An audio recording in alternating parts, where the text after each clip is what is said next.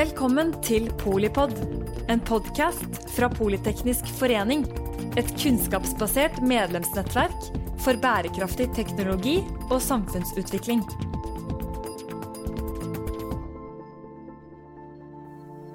Velkommen til Polipod, det jeg brenner for.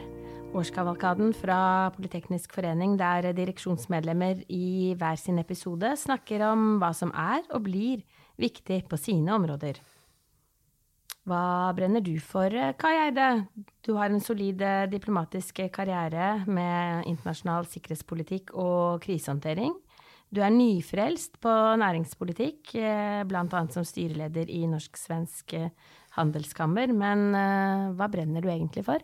Der har du vel egentlig berørt de to punktene som kanskje opptar meg mest, og som jeg brenner mest for. Og det ene er selvfølgelig det som har vært yrket mitt eh, som diplomat og engasjert i en god del krise- og konfliktsituasjoner.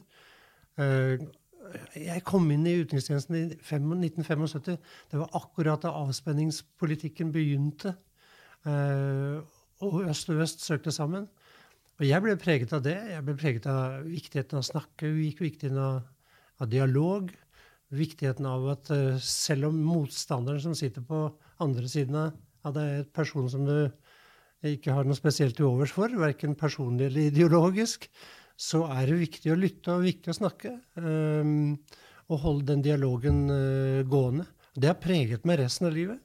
Uh, jeg forsøker alltid å se om det er muligheter for å få i gang en dialog et eller annet sted. Enten det har vært i Afghanistan, nå i Ukraina uh, og andre steder. Um, og det opptar meg nesten hver dag. Um, så du kan si det brenner jeg for. At man skal snakke sammen. Særlig når situasjonen er slik at man ikke skulle tro at man kan snakke sammen. Og så er det det andre, da, som du sa, jeg var nyfrelst når det gjelder uh, næringspolitikk. Og det er ganske riktig. Jeg var ambassadør i Sverige som min siste stasjon. Og da tenkte jeg her må jeg gjøre noe annet enn jeg har gjort tidligere i min karriere. Og da var det klart at næringspolitikken var det som lå nærmest. Jeg viet meg det i stor grad, og fikk et uh, veldig godt nettverk innenfor uh, næringslivet i Sverige. Tok det med meg hit og kom inn i Norsk-Svensk Handelskammer og ble styreleder der etter hvert. Og har selvfølgelig et nettverk her også. Og så forsøker jeg å få blandet uh, de to nettverkene sammen, slik at vi kan få til et enda tettere samarbeid mellom Norge og Sverige. For det er klart, det er viktig. Vi er viktige for hverandre allerede. Men i framtida kommer vi til å være enda viktigere for hverandre. Bare ta et ord som beredskap. Eh, beredskap eh, Hvis du skal skape beredskap, så er det å ha en god nabo som du kan stole på, det er viktig. Det er klart å ha eh, kort avstand og kunne gjøre ting sammen, være omtrent på samme nivå, det er et godt utgangspunkt for å kunne møte de behovene som vi har sett åpenbare seg de siste, de, de siste året. Ja, da er det jo bare å tenke Nato og for så vidt EU eh, e også. Ja, det er helt riktig. Eh, det er klart at svenske og finske Nato-medlemskapet kommer til å føre oss nærmere sammen. Eh, men så har vi også innenfor beredskapssiden, ikke sant? når vi har sett hva som skjedde under pandemien, og på andre områder som, ble, som vi ble klar over som følge av det, så vil det være klokt av oss å samarbeide nærmere innenfor vår egen region. Uh, og det brenner jeg for. Uh, vi er altfor langsomme når det gjelder infrastruktur. Tenk på jernbane, f.eks. Det var bedre jernbaner da jeg var uh, ung, tror jeg, enn det er i dag. Der har vi ikke gjort jobben vår, og det kommer vi til å betale for.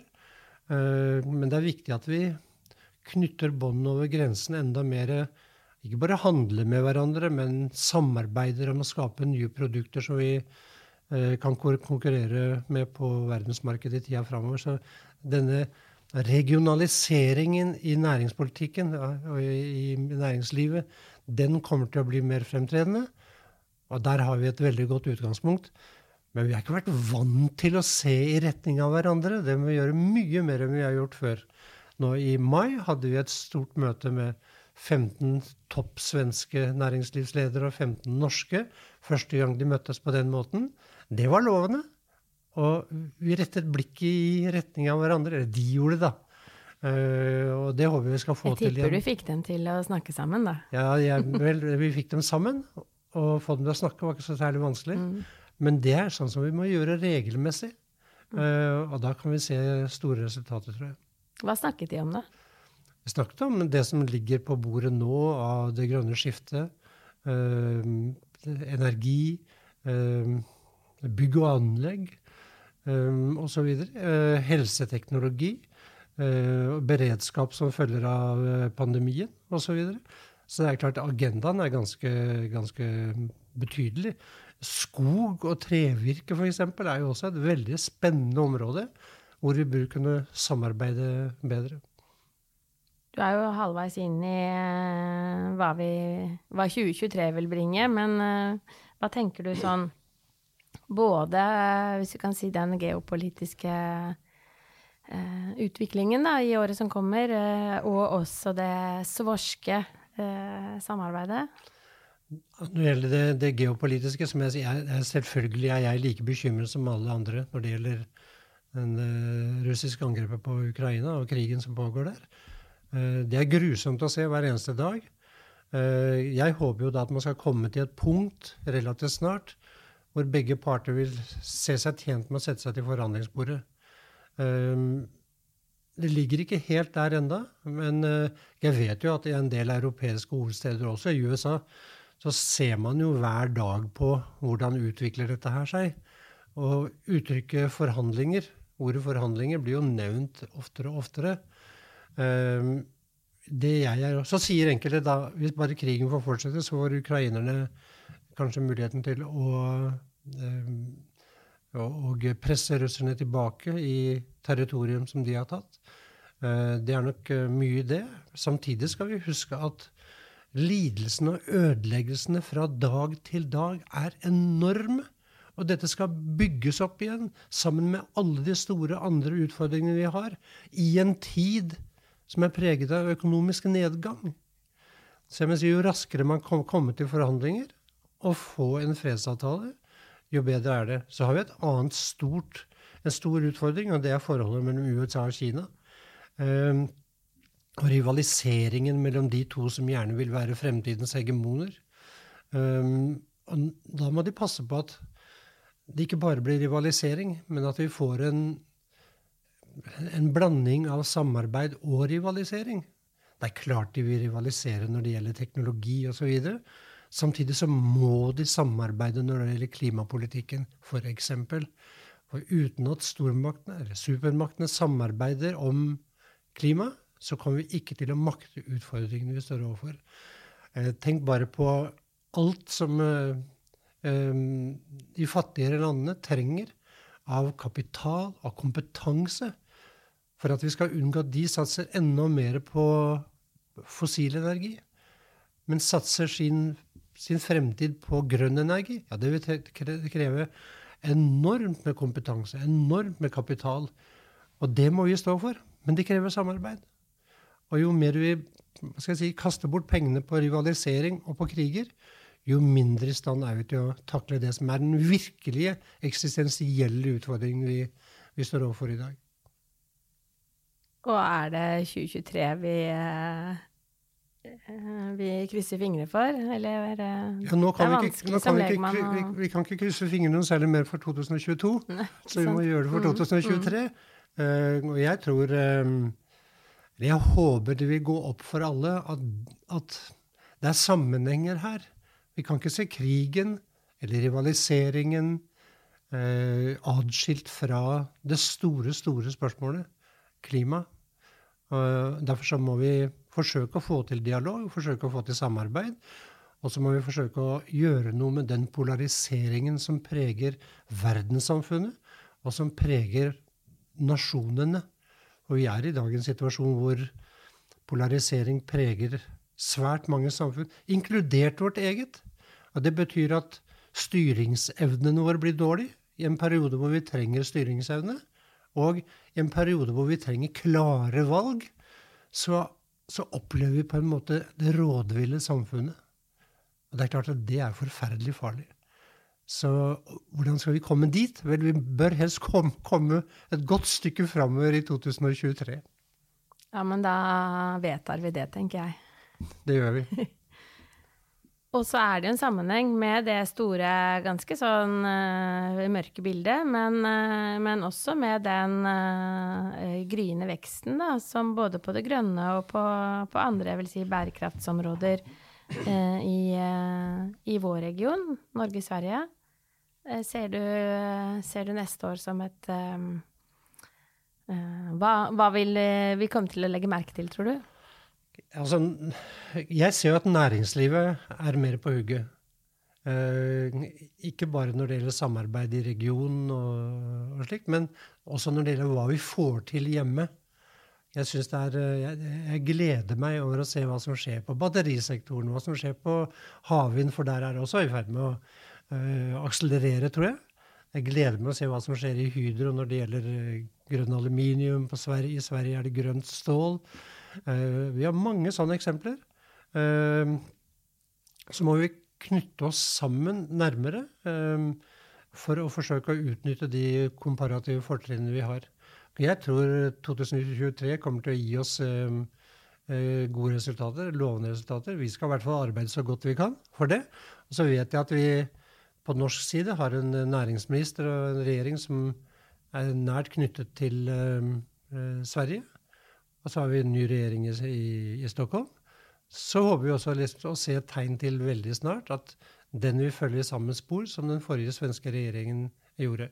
Men alt i alt, i all fortvilelsen vi ser rundt oss, så tenker jeg det skjer egentlig ganske mye positivt. Det er um, et uh, næringsliv som det er trøkk i nå. Uh, det er politisk bevegelse.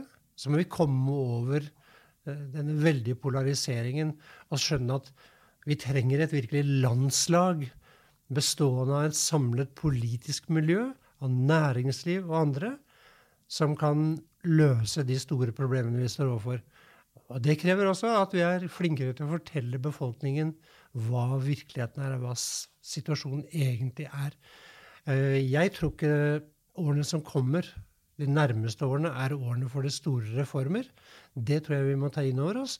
Men også vite at kommer vi over den kneika vi nå står overfor, så kan vi sørge for at Norge fortsatt blir det gode landet å leve i som det jo er. Ja, og eh, jeg vil jo bare legge til, da. Jeg har et eh, spennende studentnettverk her i Politeknisk forening. Og den kunnskapen og det engasjementet og den uh, forståelsen av sammenhenger, uh, den er der, rett og slett. Og den er uh, mye bedre, både akademisk og praktisk, vil jeg si, enn en jeg husker den fra egne studentdager. da. Så det er jo et håp om at, at man ikke bare lytter på Polibod, men at man faktisk får realkompetanse som gjør at vi kan løse disse store problemene utfordringene, og sammen med eh, svensker og for så vidt eh, dansker og andre. Finner, ja. Ja. ja. Men kan jeg få lov å føye til, du sa dere har et nettverk. Vi har i Norsk Svensk Handelskammer noe vi kaller Talentnettverket. Hvor 30 yngre mennesker møtes fire ganger i året. To ganger i Stockholm, to ganger i Oslo. To dager eh, hver gang. Og det er altså et, et fantastisk leders, lederopplæringsprogram og vi hadde en, det siste nå i år hadde vi nå for et par-tre dager siden. Og jeg snakket med noen av de som hadde vært der, som var entusiastiske. Uh, og hadde nettopp uh, snakket om de tingene vi nå har snakket om. ikke sant? Uh, nye næringer, samarbeid om dette osv. Og, og det er gøy å se at unge mennesker, da, unge, altså 25-35, at de kommer fra en sånn samling og er begeistret og ønsker å gå videre med det. Så La oss ikke se altfor mørkt på framtida, men uh, glede oss over de positive ting som ligger der, og forsøke å bygge videre på det. Tusen eh, hjertelig takk, eh, Kai Eide. Du er en diplomat med et stort hjerte og et stort engasjement for at vi faktisk når de kjempeviktige målene vi trenger å nå for, for landet og kloden vår. Famous last words, eh, Kai? Det er egentlig at alle har vi noe å bidra med her. Uh, I tider som vi nå befinner oss i, så må både unge og litt eldre, sånn som meg, vi må se oss sjøl som deltakere, uh, og ikke tilskuere. Mobilisere kreftene i samfunnet. Det tror jeg er viktig. Tusen takk, eh, Kai Eide. Solid diplomatisk karriere, internasjonal sikkerhetspolitikk, krisehåndtering og eh, også norsk-svensk eh, næringsutvikler. Og generell, det vil si optimist for neste år. Takk for det. Her har vi fremmet samfunnsløsninger med teknologiopportunisme siden 1852. Jeg er Mette Vågnes Eriksen, generalsekretær her i Politeknisk forening og takker deg som hører på Polipod når og hvor du vil. På gjenhør i serien Det jeg brenner for. Takk for at du lyttet til Polipod fra Politeknisk forening. Få med deg flere episoder, eller bli med på nettverksmøtene som du finner på at polyteknisk.